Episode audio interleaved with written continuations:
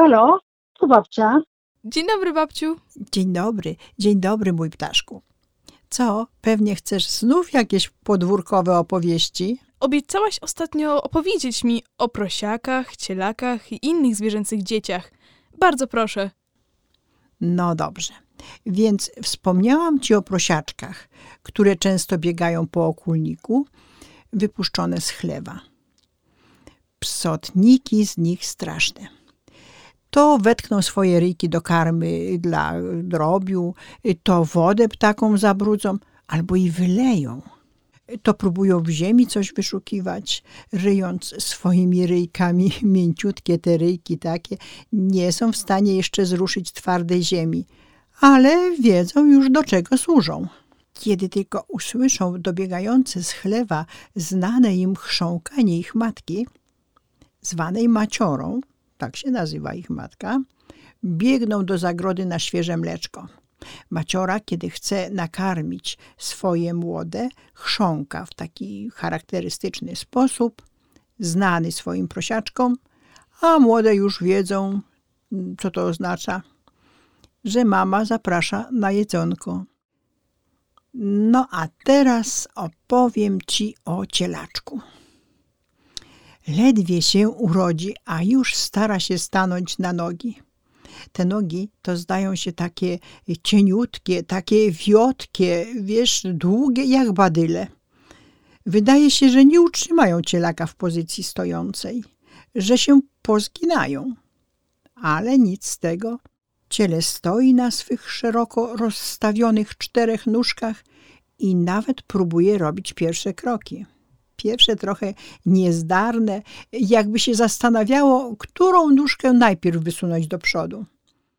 Ale te wahania nie trwają zbyt długo.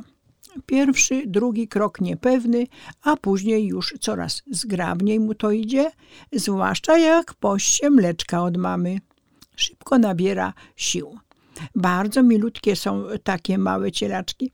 A wiesz, co mają takiego charakterystycznego dla siebie? Kiedy byłam w twoim wieku, odkryłam, że czółko cielaka jest takie mięciutkie.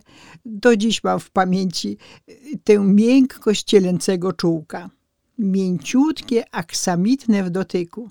W ogóle młode zwierzaki, takie dzieciaki zwierzęce y, są bardzo miłe i bardzo ufne. Za to całkiem nieufnie zachowują się ich matki często nerwowo reagują, y, kiedy widzą, jak człowiek zbliża się do ich dziecka, a czasami to nawet agresywnie. A wiesz, że krowy na przykład to tęsknią do swoich cielaków? Widać to, kiedy krowę wyprowadza się na pole, a cielak zostaje w zagrodzie. Po godzinie lub dwóch krowa zaczyna ryczeć, a kiedy uwalnia się ją z pala, to biegiem wraca do zagrody.